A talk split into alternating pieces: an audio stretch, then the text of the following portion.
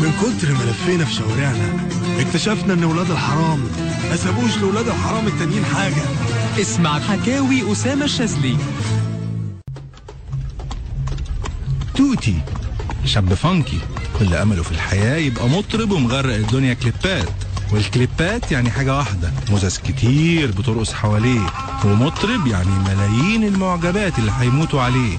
توتي عنده مشروع شخصي قرر إنه يشتغل عليه.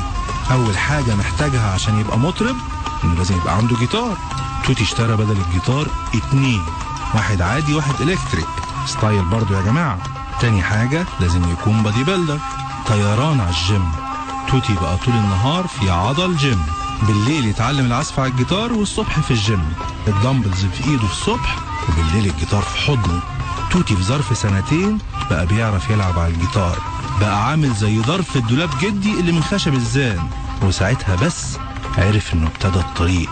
لف كتير على مكاتب المنتجين اللي كلهم حاولوا ياخدوا منه فلوس عشان ينتجوا له بس هو اقتناعه الشخصي بموهبته منعه إنه يشتري فرصة. فاتت سنة ورا سنة. حلم توتي مش عايز يتحقق. اتكسر الجيتار وجاب مكانه كام جيتار.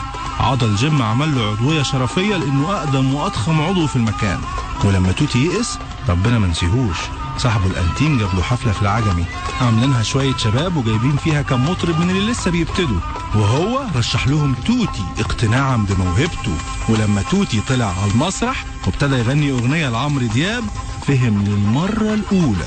هو ليه كل السنين دي كان محتاج يعمل bodybuilding عشان يستحمل كم الضرب اللي اتضربه أول ما الناس سمعت صوته.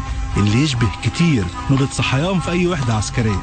على فكرة توتي لسه ما يئسش توتي عارف ومدرك إن كل الناس اللي سمعت صوته وما عجبهمش جهلة وما عندهمش أذن موسيقية. وكفاية عليه إن إبراهيم عضل صاحب الجيم اللي أول كل شهر وهو بيدفع له الشهرية بتاعت الجيم بيسمع منه أغنية جديدة وهو سعيد بالإيجار. بكرة حكاية جديدة من ولاد الحرام. ما سابوش لولاد الحرام التانيين حاجة. مع أسامة الشاذلي